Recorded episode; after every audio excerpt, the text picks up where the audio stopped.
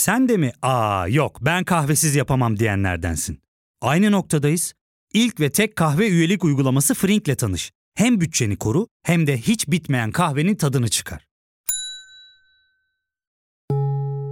Yakınlarından terapinin onlara ne kadar iyi geldiğini dinlesen de kendin için bir şeylere başlamak zor geliyor olabilir. Ya da sevdiklerine yardım etmeye istekliyken kendi ihtiyaçlarını görebilmek.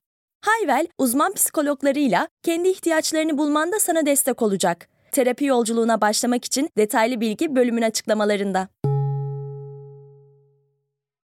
Trendspor'dan herkese merhabalar. Bu hafta Süper Lig'de Galatasaray son dakika galibiyetiyle kazandı ve 5. hafta maçları da sonuçlandı. Fenerbahçe'nin Trabzonspor'un ve Beşiktaş'ın da hatta bir diğer şampiyonluk favorilerinden Başakşehir'in de kazandığı bütün büyüklerin sevindiği bir hafta olarak bu haftayı değerlendirebiliriz. Bu haftadaki maçları konuşacağız. Ayrıca Inter derbisini kazanan Milan'ı ve Milan'ın yeni sahiplerini Bülent Kalafat'la birlikte değerlendireceğiz. Aynı zamanda Beşiktaş'ı da Bülent Kalafat'a soracağım konuşacağım. Onun dışında milli mesaide yine Eurobasket'te milli erkek basketbol takımımızı geçtiğimiz hafta olduğu gibi yine Anıl'la birlikte konuşacağız ve son olarak da teniste Amerika açığı değinip bu haftayı tamamlayacağız. Vakit kaybetmeden başlayalım.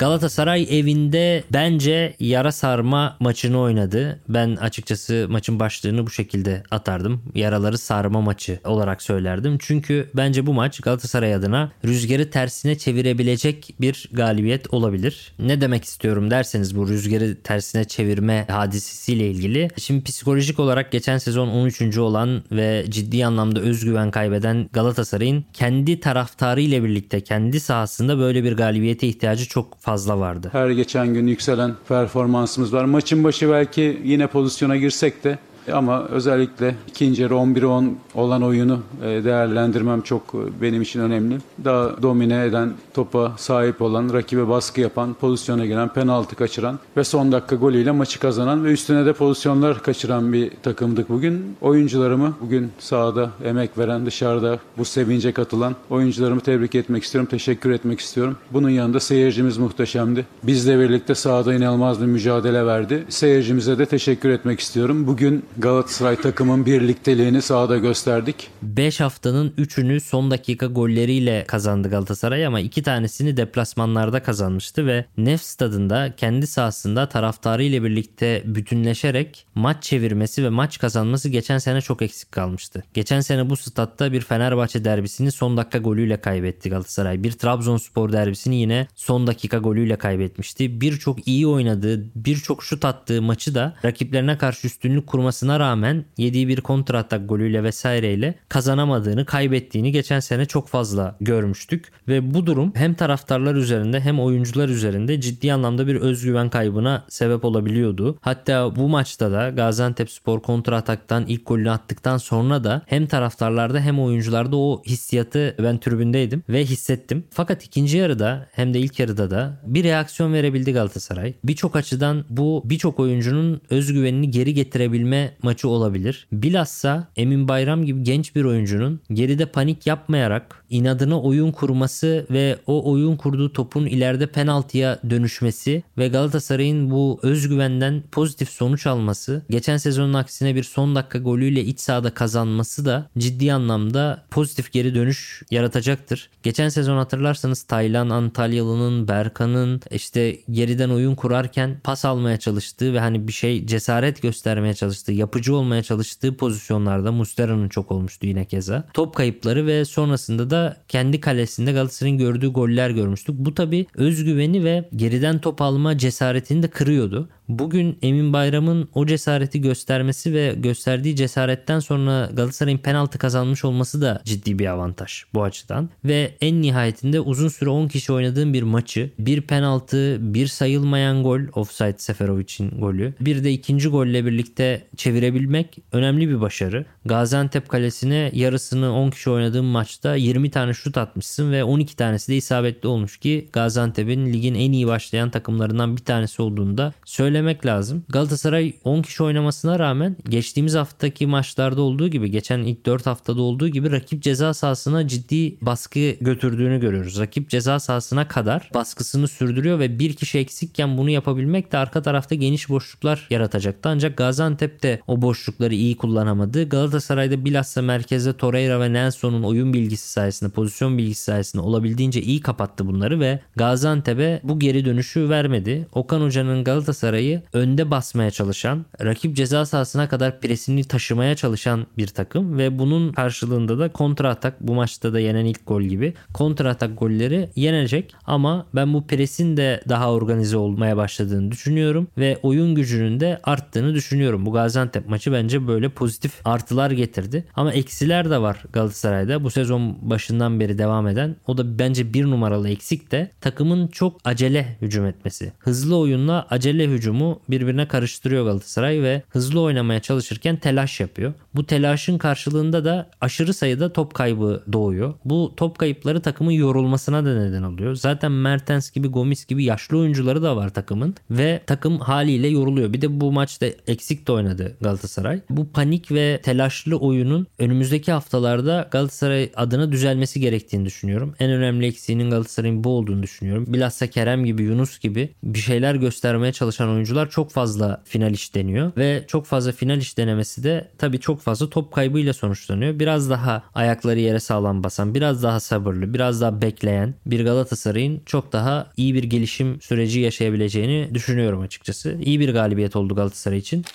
Ve Fenerbahçe'ye geçelim. Fenerbahçe de kazandı ve önümüzdeki haftayı da bay geçecekler. Fenerbahçe ile ilgili şunu söylemek istiyorum. Yıllar sonra sahaya en doğru yerleşen iyi bir takım görüntüsü veriyorlar. Bir kere burada Jorge Jesus'un hakkını vermem lazım. Geçmiş teknik direktörlere nazaran teknik direktör gücünü net bir şekilde hissettiriyor. Bilhassa hazırlık kampında ve Avrupa eleme maçlarında 4-1-3-2'yi başlangıçta uygulatmak istemişti ama 4-1-3-2'nin orta üçlüsünün sağ ve sol kenarı hem bir çizgi oyuncusu gibi hem de bir iç oyuncusu gibi oynayabilmeli. Bunu Fenerbahçe'nin o üçlüsünde oynayan kenar oyuncuları pek beceremedi. Hem Lincoln hem İrfan Can hem Emre Mor hem denediğinde Buruma, Rossi ve bunda Jorge Jesus çok tecrübeli bir teknik adam olduğu için çok fazla ısrar etmedi ve 3-4-3'e döndü. Ve Alioski transferi de bu yeni üçlü düzeni zenginleştirmek adına sol tarafı boydan boya kullanabilmesi adına önemli bir transfer oldu bence. Ve hocanın bu 4-1-3-2'sinde ısrar etmemesi Fenerbahçe'ye iyi geldi diye düşünüyorum. Ama Fenerbahçe'nin üçlü savunmasında iyi 3 tane stoperi yok. Serdar Aziz geldikten sonra biraz daha iyi olabilir. Luan Perez'in ben fena götürmediğini düşünüyorum. Bir hata yaptı Kayseri maçının ikinci yarısında. Önemli bir hata yaptı. Gole de sebep olabilirdi. Altay olağanüstü kurtarışlarla bu pozisyonu çıkardı ama o pozisyonu çıkarırsak Luan Perez'in oldukça iyi bir maç çıkardığını da söylemek lazım. Tabii Fenerbahçe ile ilgili en ilginç şey şu maçın çok böyle içine girmeden bu yorumu yapmak istiyorum bilhassa. Fenerbahçe bu sezon 10 üzerinden 7'lik 20 tane futbolcuya sahip kadrosunda. 10 üzerinden 8'lik 10 üzerinden 9'luk futbolcu yok. Yani aklıma gelmiyor şu anda. Belki form tutan bir Valencia 10 üzerinden 8'lik diyebilirsiniz veya Alioski için, Crespo için bunlar söylenebilir ama ağırlıklı olarak hep 10 üzerinden 7, 7'lik. Yani Beşiktaş gibi bir Vegos'ta sahip değiller. Vegos kalitesinde bir santrforları yok. Veya Gezal seviyesinde bir kenar oyuncuları da yok. Belki sayı seviyesinde bile stoper biraz düşündürür. Galatasaray'daki Torreira gibi bir merkez ortasa o seviyede bence yok. Mertens seviyesinde bir forvetleri de yok. Ali Koç kadar para harcayıp bu kadar hepsinden daha çok para harcayıp ve herkesten daha fazla sayıda nicelik olarak da daha fazla sayıda transfer yapıp nasıl bir Gezal, Vegos, Mertens ve Torreira'ya hatta gelirse Icardi'ye sahip olamamak gerçekten böyle bir test konusu. Ben bu eleştiriyi yıllarca Aziz Yıldırım için yapardım. Aziz Yıldırım 20 yıl boyunca herkesten 2 kat 3 kat daha fazla para harcadı. Ama daha az şampiyon oldu Galatasaray'dan ve Beşiktaş kadar şampiyon olabilmişti neredeyse aşağı yukarı herkesten kat ve kat daha fazla para harcayıp rakiplerinden daha az şampiyon olmayı başarmak gerçekten büyük bir başarısızlık. Ali Koç'un da benzer bir yol çizdiğini düşünüyorum. Herkesten daha fazla para harcayıp herkesten daha fazla transfer yapıp gün sonunda baktığın zaman Gezal kalitesine, Vegos kalitesine, Torreira kalitesine, Mertens kalitesine sahip olamamış olmak bir problem. Ama yine de Joao Pedro çok klas bir gol attı. Belki onun üzerinden 8'lik 9'luk olan da teknik direktördür ve belki bu sefer bu şekilde sonuca gider Fenerbahçelilerde. Yani hep Fenerbahçe transferin şampiyon olurdu ve hep böyle büyük yıldızlar gelirdi. Anelkalar, Roberto Carlos'lar gibi ve teknik direktör zayıf kalırdı birçok sezonda. Belki bu sefer teknik direktör gücü bu 20 tane 10 üzerinden 7'lik oyuncuyu çok doğru rotasyonlarla belki başarıya götürebilir diye düşünüyorum ve Jorge Jesus açıkçası bu potansiyeli de oynattığı maçlarda gösteriyor. Bir tek Konya deplasmanında bunu gösterememişti geçtiğimiz hafta. Ama Kayseri maçında yine güçlü bir Fenerbahçe oyunu görebildik ve bu da Fenerbahçelileri umutlandırmıştır. Fenerbahçe demişken 5. haftaya kadar değinmediğim ve hakkını yemiş olduğum bu podcast'te mutlaka yer vermem gerekirdi. Emre Belezoğlu'na da bir değinmek istiyorum. Biliyorsunuz teknik direktörlüğe Emre Belezoğlu Fenerbahçe'de başlamıştı ve bence haksız bir şekilde kendisiyle yola devam edilmedi. Daha sonra Aykut Kocaman'ın devrettiği Başakşehir aldı ki Başakşehir artık Aykut Kocaman'dan sonra neredeyse düşme potasına kadar yaklaşmıştı ama Emre Belezoğlu ile birlikte müthiş bir çıkış yakaladılar ve Avrupa'ya gittiler. Ve maç sona eriyor. Bravo Başakşehir. Antwerp 1, Başakşehir 3 ve temsilcimiz Başakşehir UEFA Avrupa Konferans Ligi'nde gruplarda. Geçen sezon çok başarılıydı. Bu sezona yine çok başarılı bir şekilde girdi ve 4 maç sonunda gol yemedi Emre Belezoğlu'nun Başakşehir'i. Bir haftayı bay geçmişlerdi. Avrupa'da da toplam 6 tane playoff maç oynadılar gruplara kalmak için ve bu 6 maçtan da namağlup bir şekilde çıktılar. 3 beraberlik, 3 galibiyetle. Avrupa'da da yollarına dolu dizgin devam ediyorlar. Bu arada da çok zengin bir rotasyonları yoktu çünkü Başakşehir bu yaz itibariyle biraz bütçe düşürdü. Bütçe düşürdükleri için de Trezeguet pahalı geldiği için Trezeguet ile sözleşmeyi yenileyemediler, devam edemediler. Geçen senenin bence Crespo ile birlikte en iyi altı numarası olan Tolga Ciğerci yüksek maaş istiyor diye Tolga Ciğerci ile devam edemediler. Ve mesela 4,5 milyon euroya Trezeguet'i alamayıp Yeni Malatya Spor'dan tanıdığımız 1,5 milyon euroya Minur Şuye'yi Fransa'dan kulübünden transfer ettiler. Daha düşük maliyetli bir transfer olmasına rağmen Minur Şuye'den çok iyi bir performans alıyor Emre Belezoğlu. Son olarak Alanya maçında da Minur Şuye çok iyi bir katkı sağladı ve sezona bu kadar iyi giriş yapınca da herhalde Başakşehir yönetimi biraz kesenin ağzını açtı.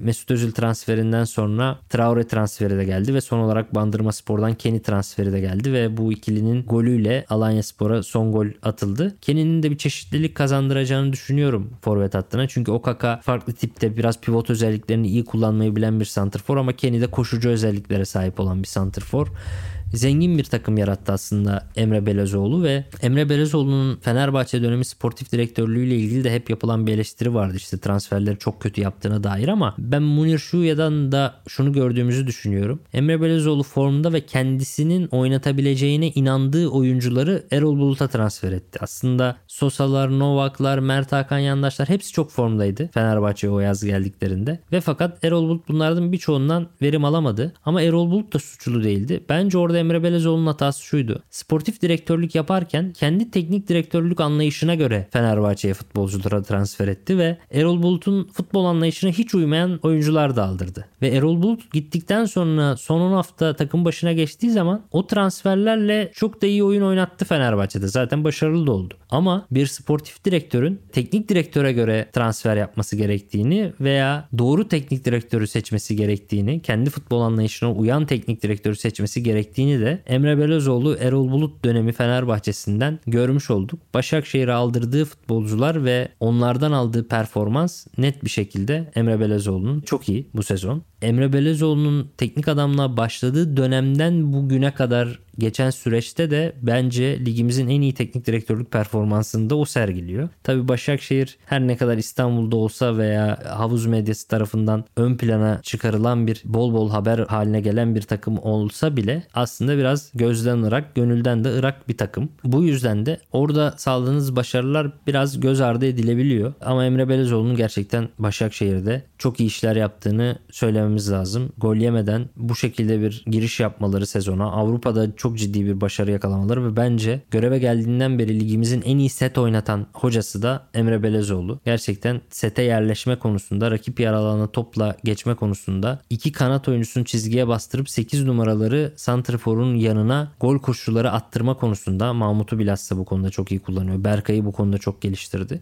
Emre Belezoğlu'nun set oyununu çok iyi uygulattığını düşünüyorum açıkçası.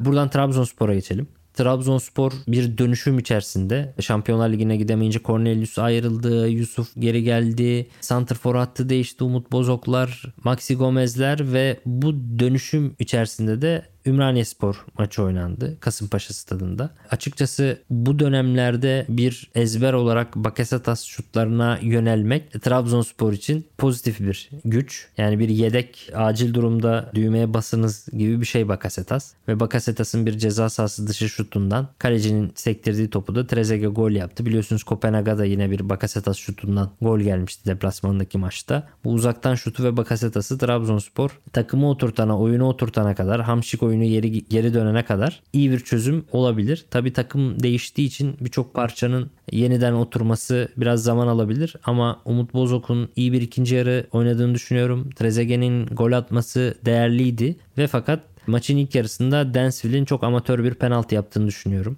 Hakem o şekilde değerlendirmedi. Vara da gitmedi pozisyon.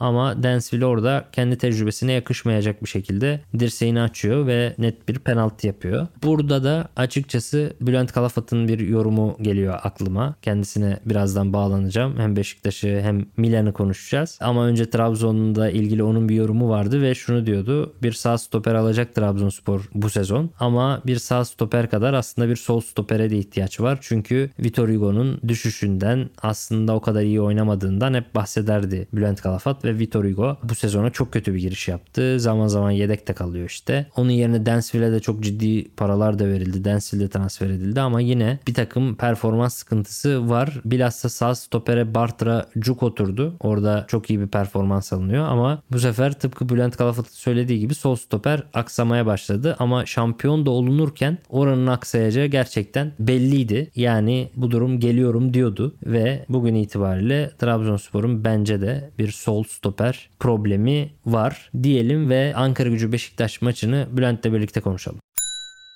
Ya fark ettin mi? Biz en çok kahveye para harcıyoruz. Yok abi bundan sonra günde bir. Aa, sen Frink kullanmıyor musun? Nasıl yani? Yani kahvenden kısmına gerek yok. Frink'e üye olursan aylık sadece 1200 TL'ye istediğin çeşit kahveyi istediğin kadar içebilirsin. Günlük 40 TL'ye sınırsız kahve mi yani? Çok iyiymiş. Aynen. Hatta şu anda 200 TL'lik bir indirim kodu da var. E hadi hemen indirip üye ol da bu fırsatı kaçırma. Terapiye başlamak, içinden çıkamadığın döngüleri kırmak, bazı yanlış bulduğun kararlarını değiştirmek ve kendinle beraber daha huzurlu bir yaşam inşa etmek için atabileceğin en değerli adımlardan biri. Hayvel ile yoğun yaşam tempona uyum sağlayarak online terapi seanslarını takvimine göre ayarlayabilirsin. Bini aşkın uzmandan sana en uygun terapisti seçebilir, PodB10 koduyla indirimden yararlanabilirsin. Detaylı bilgi açıklamalardaki bağlantıda. Evet Bülent Kalafat'la birlikteyiz. Hem Beşiktaş'ı konuşacağız. Liderlik koltuğundaki Beşiktaş'ı. Hem de Bülent'in takımı olan Milan'ın el değiştirmesini ve derbi galibiyetini de biraz değerlendirmek istiyoruz. Bülent selam. Merhabalar Sinan. Beşiktaş'la başlayalım. Valerian İsmail ile birlikte yeni bir dönem ve son olarak Ankara gücü galibiyeti de geldi. Ben şöyle bir yorumda bulunacağım genel. Sonra pası sana atacağım. Bence şampiyonluk alameti olabilecek deplasman galibiyetlerinden bir tanesi bu. Çünkü bu tip maçlar bozuk zemin, taraftar full, rakip Ankara gücü küme düşme korkusundan dolayı çok şey arzulu, iştahlı. Tolga Ciğerci'yi yeni almış. O da aynı şekilde. Teknik direktörü yeni. O da aynı şekilde. Bu tip maçlar çok belirleyici oluyor. Aynı sertlik, aynı agresiflik düzeyinde karşılık veremezsen seni yıldırabiliyorlar ve ne kadar kaliteli olursan ol puan kaybı yaşayabiliyorsun. Bunu en iyi Drogba'lı Galatasaray'dan hatırlıyorum ben. E, Drogba'lı Galatasaray biliyorsun Juventus'lu Real Madrid'li gruptan çıktı. Ama Gaziantep deplasmanı, Karabük deplasmanı bir sürü deplasmanda puan kaybetti. Çünkü Drogba offside'da bile yürüyordu yani. Hiç mesela bu Ankara gücü maçındaki Vegos gibi o, o kafaya çıksın, bu mücadeleye girsin falan öyle bir şey yoktu yani Drogba'da. Ve fakat bu tip deplasmanlarda aynı sertlik ve aynı agresiflikle cevap verebilmen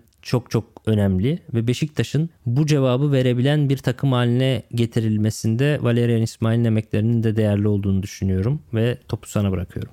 E, kesinlikle öyle ve yani ben Valerian İsmail'in şu anda Beşiktaş'ta yapmaya çalıştığı ve yapmayı başardığı şeyi biraz şuna benzetiyorum. Hani bir hokkabazın önce elinde iki top vardır onları havada tutar o kolaydır. Sonra bir top daha atarsın oraya. Onları da havada tutar. Sonra oraya bir top daha, bir top daha. 4-5 tane topu havada tutmaya başladığı zaman vay hakikaten falan bir şeyler yapıyor dersin. Şu anda onun yaptığı şey biraz buna benziyor. Neden dersen üçlü sisteme hakim bir teknik direktör olarak geldi Beşiktaş'a. Ama yaz transfer döneminde bu sistemi oynatması için ihtiyacı olan parçalar ona verilmedi. En önemlisinden 3 tane stoper verilmedi. E, Üstüne üstlük kanat beki olarak en güvendiği özellikle de 8 artı 3'ün hala bulunduğu bir sistemde ilk 11'in değişmez parçalarından bir tanesi olacak Rıdvan'ı kaybetti. Onun üzerine işte Emirhan'ı falan da kaybetti derken tamamen çorba oldu ve son hazırlık maçına kadar fena oynamadığı hazırlık maçları geride bırakmış olmasına rağmen mesela Wolverhampton'a 25 dakika boyunca çok etkili bir oyunla karşılık vermişti Beşiktaş ama şu pragmatizmi gösterdi. Benim 3 tane stoperim yok. Bırak birer rotasyonla 6 stoperi. Ben 3 stoperli bir sistemi sezon boyunca kullanamam.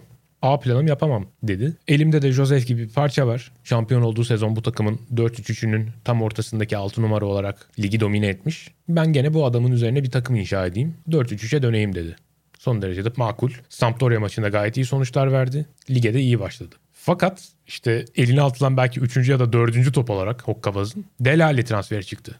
Delali'de işte mevkisiz oyuncular vardır ya futbolda biraz Talişka gibi, Dybala gibi. Çok yetenekli ama mevkisi yok. Santrfor değil. 10 numara işte belki en çok 10 numara. Ama modern bir 10 numara değil. 8 değil. 6 hiç değil. Kanat değil falan. Nereye koysan yamalar yapman gereken bir oyuncu verildi kendisine. Ve ona en uygun olan sistemin 4-2-3-1 olduğu bir oyuncu. O da bir kere daha sistem değiştirmek istemedi belki ve Ali'nin gelişinden sonra iki maçta da 4-3-3'ü bozmadı. Delali'yi sol içi olarak kullandı. İşte orada ama gene mevkisi değişen oyuncular oldu. Salih bir iç oyuncusundan 6'ya dönüştü. Jetson bir sol üçten bir sağ içe dönüştü ki Delali kendisini en ideal hissettiği yerde oynasın. Ve bunu da o kadar güçlü bir takım kurmuş ki yazın bunu da kaldırabildi Beşiktaş. Ve Gezzal'ın oyna- olmadığı bir süreçte kaldırdı hem de. En iyi oyuncusunun olmadığı bir süreçte yeni gelen ve biraz ikili mücadelelerde falan eksiklik yaratan bir oyuncuyu taşıyabildi Beşiktaş. O yüzden kesinlikle İsmail'in hakkını ne kadar versek azdır ki netice itibariyle şu oldu. Son 35 sezonda Beşiktaş'ın son 35 sezondaki bütün teknik direktörler arasında ilk 5 maçtan 13 veya daha fazla puan çıkarabilen 6 tane isim vardı. Valerian İsmail bunların 7.si oldu. Onlar da işte Gordon Minler, Christoph Daum, Nevio Scala, Mircea Lucescu. Şenol Güneş Ondan sonra Şenol Güneş, Sergen Yalçın ve Valerian İsmail Gordon Min iki kere yapmıştı bunu. Yani e, son 35 yılın en başarılı lig açılışlarından bir tanesine imza attı ki Alanya deplasmanında Alanya Spor iki tane isabetli şuttan üç tane gol bulmuş olmasaydı belki de o listede Daum ve Lucescu ile tek başına zirvede yer alacaktı. Öyle. Gerçekten güzel bir başlangıç. Gezal demişken şu vurguyu da yapmak lazım. Birkaç kişinin şöyle yorumları oldu. Beşiktaş fizik zorlamalarla ve Ghost'u bilhassa bu dönemde çok fazla kullanarak kilit açtı ama yarın öbür gün iç sahada set oynamak zorunda kaldığı maçlarda bu oyuncularla Enkudu, Muleka ve Ghost vesaireyle ne kadar verimli olur Jetson da dahil. Jetson da sette eksik kalabiliyor. Ne kadar verimli olur gibi yorumlar vardı. İşte Gezal'ın katılımı da biraz onu çözebilir diye düşünüyorum. Gezal'ın değeri de sanki o maçlarda anlaşılacak. Gezalsızlıkta bu kadar iyi gidebilmek de Beşiktaş için ciddi bir avantaj. İkinci olarak Salih'le ilgili şöyle bir düşüncem vardı benim Bülent. Bence Beşiktaş'ın en önemli eksiklerinden bir tanesi yerli oyuncu sayısı. Bilhassa Emirhan ve Rıdvan'ı da kaybettikten sonra daha da ciddi bir sıkıntı yaşayabilirdi. Salih şapkadan tavşan olarak çıkmasaydı daha büyük bir problem haline gelirdi. Hatta ben e, şöyle ironi içeren bir tweet atmıştım. Yok mu 3 milyon euroluk bir fırsat transferi Salih'in üzerine diye bir tweet atmıştım. Sanki o tweete cevap verecek şekilde Dellali'yi aldılar. Dellali'yi olabildiğince takım taşıdı ama Salih'i geri çeken 6 numaraya çeken ve Salih 6 numarada 8 numaraya göre daha rakip kaleden uzaklaştırılıyor ve yaratıcılığından veya işte Alanya Spor attığı golden alamamayı sağlıyorsunuz. Yani içeriye koşu atamıyor artık çok daha geride pozisyon almak zorunda olduğu için. Biraz aslında Salih'i de zor duruma düşürebilecek bir hamleydi. Onun yerine mesela Ankara gücünde iki asist yapan Tolga Ciğerci alınsaydı Salih yine önde kullanılabilirdi. Hem de yerli rotasyonu da zenginleştirilebilirdi ki Delali'ye geçmiş olsun bir sakatlık da yaşamış. Belki onun sakatlığında nasıl bir düzene geçilir bilmiyorum ama Salih Jetson'u 2-8 numara gibi kullanan ve 6 numarada Josef'in olduğu senaryo bana biraz daha daha çok şey hayal ettiriyor açıkçası. Kesinlikle öyle. Özellikle Salih'in 18 koşuları atan bir oyuncuya dönüşmesi 19-20 sezonunda onun kariyerindeki en önemli eşik atlamalardan bir tanesi olmuştu ki biz bunu seninle o dönem yaptığımız YouTube yayınlarında çok dile getiriyorduk. İstatistiklerle altını dolduruyorduk hatta. Hiç bu kadar fazla maç başına 18 içinde topla buluşan bir Salih olmamıştı diye. Valerian İsmail tekrar o Salih'i ortaya çıkardı. Ve enteresandır ki Salih'in 6 numaraya dönüştüğü ikinci maçta Ankara gücü deplasmanında Beşiktaş'a galibiyeti getiren penaltının doğuşu Salih'in rakip ceza sahasına girip kafayla vurduğu topun Eren Derdiyok'un koluna çarpmasıyla oldu. Yani gene o yazılımın bir çıktısını alarak Beşiktaş galibiyete uzandı. Ankara deplasmanında bu kritikti. Tabi orada Josef'in oyuna girmiş olmasının da önemli bir payı var. Josef oyuna girdiği anda bütün takım psikolojik olarak bir kere çok daha rahat rakip yarı sahaya gidiyor. O yüzden Salih de özgürleşti. O yüzden arkasında Josef'in olduğu bir Salih Jetson üçlüsü bir anda Beşiktaş'ın bu sezon ideal üçlüsü olarak belirebilir. Ve bu da Delale'nin olmadığı o ufak deney tübü deney ortamı İsmail'in belki sezonun geri kalanında A plan olarak uygulayacağı bir düzenin ortaya çıkmasına sebep olabilir diye düşünüyorum. Ağzına sağlık. Buradan bir Milan'a geçelim. Derbiyi kazandınız son olarak. Geçen yılın Serie A'nın şampiyonu Milan. Aynı zamanda bir kez daha el değiştirdi kulüp. Zaten yakın geçmişte Çinli yeni bir sahibe satılmıştı diye hatırlıyorum. Doğru. Ama bir kez daha böyle bir durum gerçekleşti sanırım. Evet yani 2016 yazında Lee Yong-hong'un önderliğindeki bir Çin konsorsiyumuna satılmıştı Milan. %99.9'u hatta yani %100'ü değil de e, neredeyse tamamı 520 milyon euro artı o sırada işte Milan'ın borcu olan 220 milyon euro gibi bir miktarda karşılanacak anlaşmasıyla yani 700-750 milyon euro arasında bir sorumluluğun altına girmişti bu Çin şirketi. Sino Europe Sports Investment diye bir şirket. Fakat bunu yaparken finansmanının bir kısmını Elliott Management diye bir Amerikan şirketinden karşılamışlardı. Yaklaşık 300-400-300-350 milyon euro civarında bir finansman sağlamışlardı bu şirketten ve bunun ödeme taksitlerinde bir gecikme yaşadıkları zaman 2018 yılında Elliott Investment şirketinin Milan'ın yönetimini ele geçirme hakkı doğdu ve de facto olarak 3 yıldır da aslında Milan'ın sahibi olan bu şirketti. Fakat işte bundan bir hafta önce Redbird adlı bir Amerikan yatırım şirketi yaklaşık 1.2 milyar sterlinlik bir yatırımla Milan'ın yeni sahibi oldu. %99.93'lük hissesini 1.2 milyar euro karşılığında aldı onlar da. Ee, aynen öyle. Ben 1.2 milyar sterlin diye okumuştum diye atletikte. O euroya vurunca herhalde 1.5 milyar euro falan yapıyor olabilir ama sen belki son olarak okuduysan belki rakamlara daha hakim olabilirsin.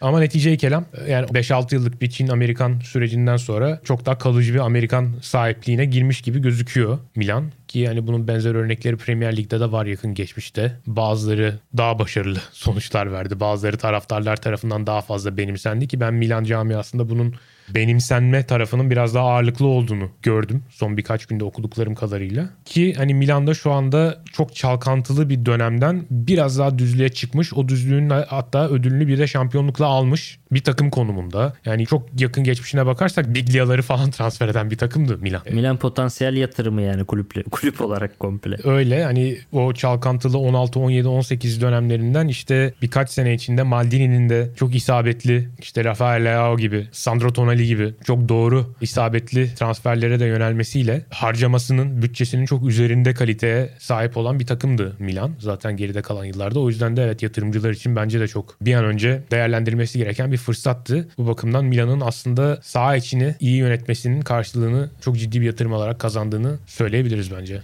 Bu arada eski sahiplik şirketinin ortaklarından bir tanesi LeBron James'ti.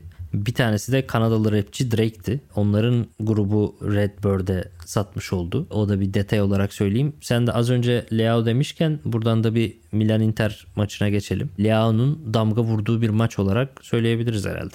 Yani kesinlikle attığı ilk gol harika. İkinci gol yani 3 tane rakip savunmacının arasındaki Inter takımının savunmacılarından bahsediyoruz. İşte Brozovic'ler, Devraylar falan var. Çocuk parkında top oynayan bir yetişkin gibi çıktı onların arasından ve Andanovic'in uzanamayacağı köşeye bıraktı.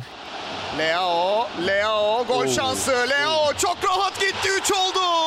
Olacak Neler yapıyor Rafael Leo? 2 gol bir asist.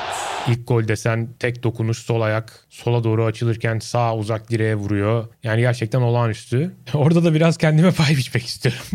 Şöyle ki maçtan 10 gün önce yazdığım bir Milan yazısında Leao'nun kendisine tanınan tamam sen savunma yapma sen bizim hücumcu kanatımızsın. Biz savunma katkısını Messias'tan alıyoruz. Lüksünün karşılığını hücum olarak henüz veremediğini ve bunu bir an önce vermeye başlamasının Milan'ın başarılı olması için elzem olacağını söylüyordum. Çünkü Kulağını çekmişsin. biraz kulağını çektim. Çünkü mesela Udinese maçı sezonun ilk maçı ikinci dakikada Milan geri düşmüştü. O geri düşmesinde Leao'nun önemli payı vardı. Savunmaya dönmediği için Udinese bir korner kazanıp oradan golü atmıştı. atmıştı.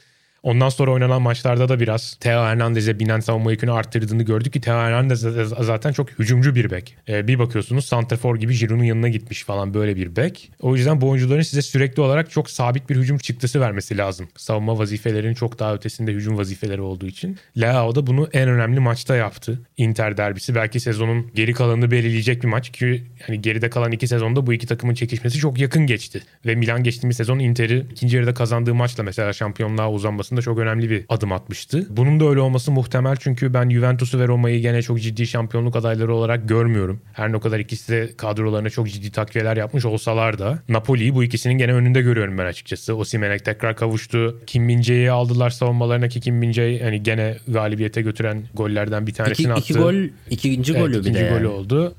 Kvaratskhelia diye Gürcistan'dan buldukları bir süper yetenek ki bu aslında bizim de kulağımıza bir küpe olmalı. Gürcistan'daki yeteneği niye Napoli keşfediyor da biz keşfedemiyoruz. Ama Napoli geçen seneden kadrosunu kuvvetlendiren rakipleri arasında Milan ve Inter'in bence en ciddi aday ki geçen sezonda zaten o ikisine en çok yaklaşan onlardı. Scouting'in daha zor olduğu dönemlerde Gürcistan'ın en büyük yıldızı Şota'yı biz buluyorduk. Evet. Ama artık daha organize olunabildiği dönemlerde daha iyi organize olanlar. Doğru bu bizim maalesef. için çok kritik bir detay. Yani kendi sularımızdan, kendi topraklarımızın, kendi coğrafyamızdan bile yetenekleri başkaları keşfediyor artık. O kadar geriyiz. Ama yani tekrar Serie A'daki şampiyonluk mücadelesine geri dönecek olursak ben belki sadece bir yani Milan taraftarı olmanın verdiği bir şey var. Evet bir iyimserlik var belki ama ben sezon başından beri ligin kadro dengeleri bakımından belki Inter'in gerisinde olsa da teknik direktör ve takım içi organizasyonu olarak Inter'in önünde bir takım olarak görüyorum Milan'ı. Bunu da zaten en son Derbi della Madonnina'da gördük. Her şey bazen kadro olmuyor. Mevki mevki baktığın zaman evet Inter pek çok mevkide özellikle orta sahada kusursuza yakın bir kadroya sahip. Lukaku da geri geldi. Fakat bu her zaman yeterli olmuyor. En çok belirleyici olacak şey herhalde gene Şampiyonlar Ligi'nden bu iki takımın ne kadar yarı alarak çıkacakları olacak. Orada da Inter'in kadro zenginliği biraz daha onlara avantaj sağlıyor tabii. Bunu da unutmamak lazım. Yani Milan'ın yedek kulübesi Inter'inki kadar zengin değil. Ama belki Redbird'ün sağladığı finansmanla devre arasında yapılacak bazı takviyeler Milan'ın Ocak ayından sonrasını gene geçen sezon olduğu gibi çok kuvvetli getirmesini sağlayabilir. Ağzına sağlık. Teşekkür ederim konuk ettiğin Önümüzdeki için. haftalarda ne demek? Önümüzdeki haftalarda Juventus, Roma'yı vesaireyi de sorarım. Yine bir Serie A yorumu alırız senden. Süper Lig'den de tabii ki e, yorumlarını alırız. Katıldığın için çok teşekkürler. Görüşmek üzere. Ben teşekkür ederim abi. Kolaylıklar dilerim. Bay bay. Bülent'e teşekkürler. Futbolu burada noktalayalım ve basketbola geçelim. Basketbolda geçtiğimiz hafta olduğu gibi Anıl'la birlikte Eurobasket'i değerlendireceğiz. Milli takımla maçlarını oynadı. Evet Anıl Uysal'la birlikteyiz. Eurobasket'i bu haftada değerlendireceğiz. Milli takım 3. maçını oynadı. Bu kayıttan önce Belçika maçından önce alıyoruz kaydı. Ve Karadağ ile Bulgaristan'a karşı net galibiyetler gelirken çok da tatmin etmeyen oyunlar vardı ama galiba. Evet abi ikisi de özellikle Bulgaristan maçının ilk yarısı çok ciddi soru işareti olmuştu. İkinci yarıdaki bazı müdahaleler, rotasyonu 7 kişi indirmesi Ergin Ataman'ın biraz çözüm olurken tabii dünkü Gürcistan maçı Evet. hem sağ içi hem sağ dışı bazı olaylar da tabii maçın içine dahil oldu. Ve ilk mağlubiyetimizi de almış olduk böylece. Biraz Gürcistan maçı yorumunu alayım senden. Bir de 3 maçlık genel bir değerlendirme alayım. Hem Belçika maçı öncesi hem de takımın gidişatı ile ilgili genel bir yorumunu merak ediyorum. Şöyle şimdi turnuvaya Karadağ maçıyla başladığımızı düşünürsek ki yani kolay bir rakip değildi aslında Karadağ. O maçtaki galibiyet işte devamındaki Bulgaristan maçı derken e, aslında biraz dün de özellikle İspanya'nın Bel Belçika yenilmesi sonucunda bize liderlik şansı doğmuştu. E, çok ciddi şekilde yani Gürcistan'ı yensek ve devamını İspanya maçına kadar götürebilseydik muhtemelen lider çıkacaktık. Ki sen de geçen hafta liderlik ihtimalinden Evet. bahsetmiştin. Evet. Yani çünkü çaprazımızı düşünürsek ki orada da mesela şu an sürprizler var. Litvanya henüz galibiyetle tanışamadı. Bosna ilginç bir çıkış yaptı. Almanya çok iyi gidiyor derken yani liderlik şu an bizim için en önemli şeylerden bir tanesi olabilir bu grupta. Ama Gürcistan maçı bence özellikle mesela ilk çeyreğinden sonra Ergin Ataman bazı müdahaleleri oldu. Ki bu müdahaleler başarılıydı. Özellikle Şelmadi'nin üzerine kurguladığı hücum planı. Ama devamında İlyas Zuros'un cevabı Beka Boşanasya ile işte ikili oyunları yüksek switch yapması hemen değiştirmesi vesaire derken ona cevapsız kaldık ve efektif olamadık. Yani ikinci çeyrekte oyunu kırdı Gürcistan ve oyunu çok sertleştiler gerçekten. Devamında da bizim cevabımız hiç istediğimiz şekilde olmadı. E tabii burada sağ dışı bazı olaylardan da bahsetmek gerekiyor. Özellikle mesela 22 saniyenin maçta gasp edilmesi çok eşine benzerine rastlanmayan bir olay. Devamındaki işte bazı kavga durumları Furkan'ın atılması, sanatçının atılması derken konsantrasyon da bozuldu bir anda ama maçın normal sürenin sonunda ve uzatmanın sonunda da artık milli takımımızın kronik bir sıkıntısı var. Foul atma, foul Hı. atışında cevaplandırma. Yine o konuda biraz açıkçası sıkıntı yaşadık. Alperen 4'te 1 attı yanlış hatırlamıyorsam. O kısımda Cedi'nin bir 2'de 1'i var. Yani maçı yine kırabilecek noktalar bize gelmişti. Kıramadık. Daha sonra Mamukelaşvili Gür- Gürcistan'ın artık en yetenekli oyuncusu e, bu kadronun. Onun performansı tabii çok etkili oldu ve maçı kazandırdı. Peki sen milli takımda genel olarak işlemeyen parçayı ne olarak görüyorsun? Mesela şöyle yorumlar var. 4 tane NBA oyuncusu olan bir takım Şengelyası da olmayan Gürcistan'a nasıl yenilir gibi eleştiriler var. Ayrıca Larkin'in kullanılmasıyla ilgili bir takım eleştiriler var. Larkin'den yeterince faydalanamadığı yönünde eleştiriler var. Bu konudaki eleştirilere ne dersin? Yani tabii oyuncuların kalitesi vesaire bunlar tartışılabilir ama şöyle de bir durum var. Neticede bu bir takım oyunu ve en doğru parçayı, en doğru rolleri dağıtmak gerekiyor. Bence bizim sıkıntımız biraz bu ve oyuncu profillerinin sıkışıklığı aslında. Ya benim fikrim bu. Çünkü mesela 4 numaradan istediğimiz katkı alamadık. Yani ne iki uzunla alabildik ne de Cedi'yi 4 numara geçince tam olarak o katkıyı alabildik ki bu nedenden dolayı zaten Cedi Osman daha çok 4 numarada oynuyor. Ya burada Ergin Ataman'ın o arayışını da anlayabiliyorum. Ve aslında orada mantıklı denemeler yapıyor ama mesela Sadık Emir Kabaca gibi bir uzun alternatif var bench'te ve çok fazla kullanmadı turnuvada. Yalnızca Bulgaristan maçında kısa bir süre verdi. O tip denemeler de acaba olabilir mi? Özellikle de zorluk seviyesi daha düşük başlarda. Mesela Bulgaristan maçı bir ölçüydü. Tam bu tip denemeler maçıydı. Ama onlara da çok az gitti Ergin Ataman. Yani bu tip denemeler yapılabilir diye düşünüyorum. Tabii turnuvanın ilerleyen kısmında rotasyonu keskin şekilde değiştirmek çok kolay değildir. Ama en azından mesela Şemus Hazer'in dün 4 dakika süre alması bence daha fazla süre alması gerekiyordu Şemus Hazer'in. Ki Belçika maçından itibaren Belçika'da özellikle kısaları çok kısıtlayabilen bir takım o konuda bu atletik özellikleri itibariyle. Mesela Şemus'un amaçtaki rolünün çok da önemli olacağını düşünüyorum ve ona göre bir kullanım daha farklı bir rotasyon belki artık bir cevap bir galibiyet gerekiyor yeniden. Peki geçelim Gürcistan maçının uzatma dakikalarında yaşanan hadiselere. Gerçekten her şey oldu neredeyse. Furkan Korkmaz. İşte burada bir gerilim. İki oyuncuya da teknik faal geldi. Gerilim. Oo aman aman aman Furkan sakin sakin sakin. İki atış. Furkan Korkmaz teknik faul. Sanatse teknik faul. Diskalifiye. Furkan Korkmaz. Sanatse de diskalifiye. Furkan'la Senatze'nin tartışmasından iki oyuncu atıldı. 22 saniye yok edildi ve Ergin Ataman da ihraç edildi. Tüm bu olaylar hakkında ne düşünüyorsun? Hakkımız yendi gibi görünüyor gerçekten özellikle 22 saniye olayı. Şöyle Sanatse Furkan Korkmaz olayı tabii maçın tamamen akışını değiştirdi diyebiliriz ki o kısımda aslında Sanatse Furkan arasında bir gerginlik yaşandı. İkisi ihra- ihraç edildi maçtan. Daha sonra Furkan soyunma odasına giderken işte Şengel'le Bitatse ve Sanatse üçlüsü bench'ten soyunma odasına gelip bizim hem kondisyonerimiz hem de Furkan'ı orada darp ettiği söyleniyor. Daha sonra maçın ardından Gürcü polisleri yanlış hatırlamıyorsam orada yine bir bizim soyunma odamıza doğru bir darp durumu olduğu konuşuluyor. Tabii bu olaylar özellikle de FIBA turnuvası kapsamını düşünürsek hem güvenlik zafiyeti hem de gerçekten çok benzerini görmediğimiz olaylar ve milli takımımızın da hem işte Ömer Onan'ın açıklamaları vardı Sayın Ömer Onan'ın hem de bugün Koç Ergin Ataman'ın bazı açıklamaları oldu bu konuda. Yani bu işin de peşini bırakmayacağımızı açıkladılar. Yani maçın içinde gerginlik olabilir. Maç kazanılır kaybedilir bunlar önemli değil. Bir kere iki oyuncu atıldı maçtan biliyorsunuz. Furkan'la Gürcistanlı oyuncu. Ama Furkan koridora yanında bir tane bizim kondisyonerle giderken bizim soyunma odamıza oynamayan oyuncuları, atılan oyuncu ve polislerle birlikte saldırdılar. Bir kere Furkan'ın oraya. Bu çocuk oyuncu ve soyunma odasına gelen bir saldırı olmaz. Maç bitti, kaybettik. Soyunma odasının önünde iki tarafımıza 30'ar polis ittire ittire kavga çıktı ve bizle gerçekten fiziki yani Gürcistan resmi polis fiziki bir kavgaya tutuştu. Şimdi buradan FIBA'ya sesleniyoruz. Çok açık ve net. Ben FIBA'nın yetkililerine de söyledim. Kimse kendini de kandırmasın, aptal da kimseyi de akıllı şey yapmasınlar yani. Kimseyi de aptal zannetmesinler. O koridordaki bütün kameraların dakika dakika bir saniyesi eksik olmadan bizim önümüze getirecekler.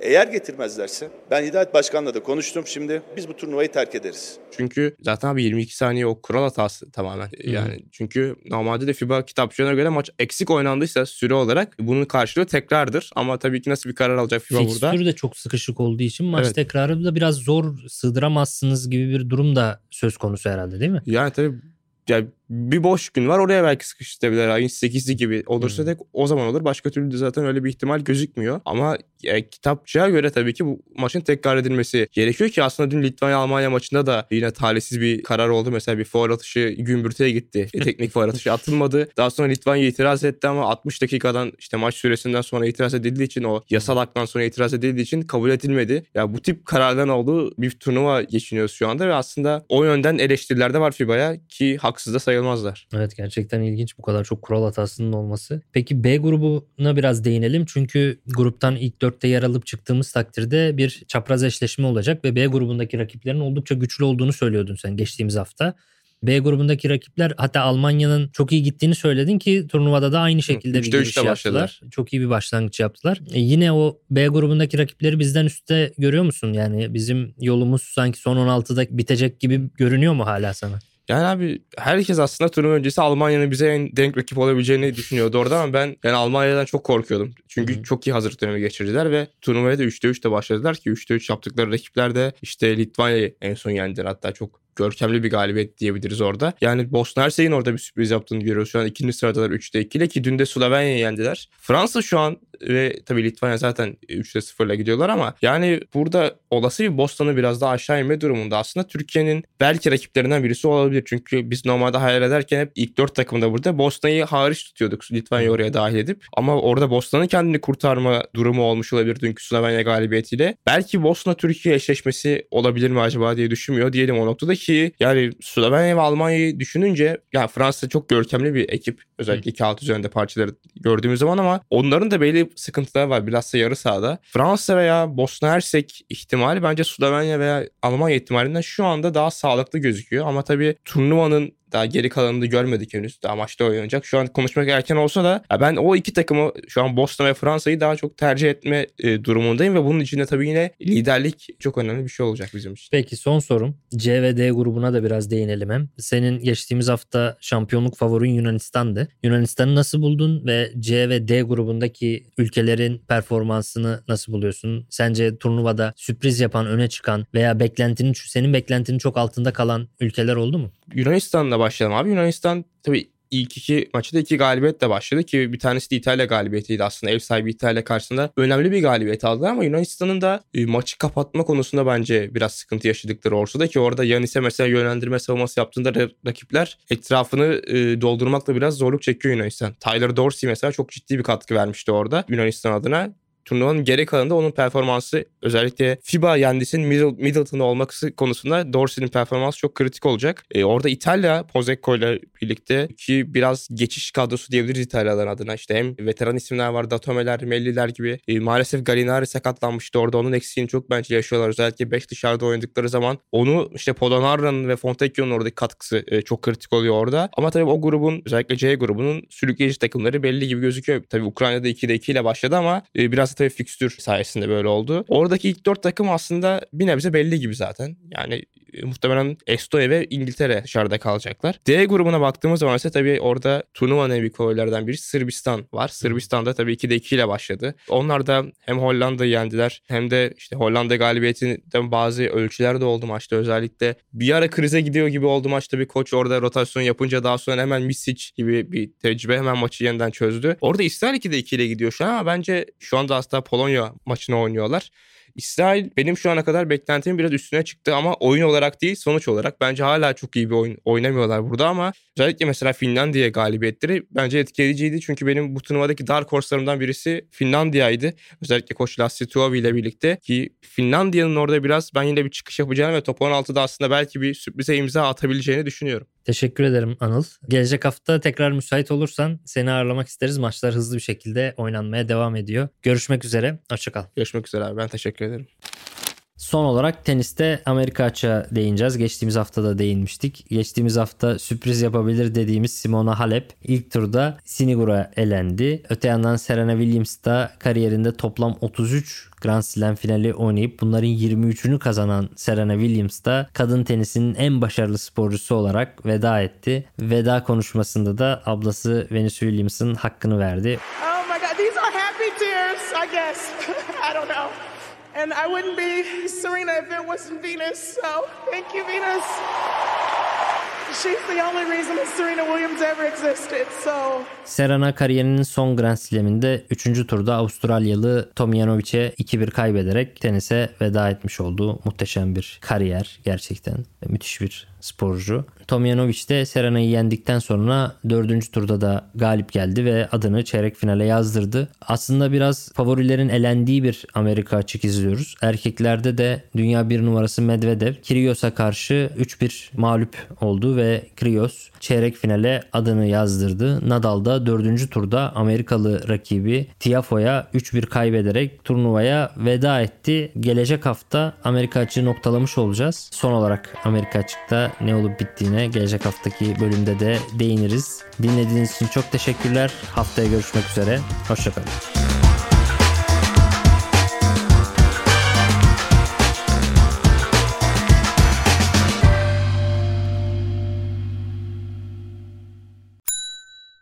İlk ve tek kahve üyelik uygulaması Frink, 46 ildeki 500'den fazla noktada seni bekliyor. Açıklamadaki kodu girerek sana özel 200 TL'lik indirimden faydalanmayı unutma. Hadi sen de Frink üyeliğini başlat, kahven hiç bitmesin. Hem bugününe hem yarınına katacaklarıyla terapi yolculuğuna ve daha iyi hissetmeye bugün Hayvel ile başla. Açıklamadaki linkten Hayvel'i indir, ücretsiz tanışma görüşmelerinin ardından bütçene uygun seans paketini seç ve terapi yolculuğuna başla.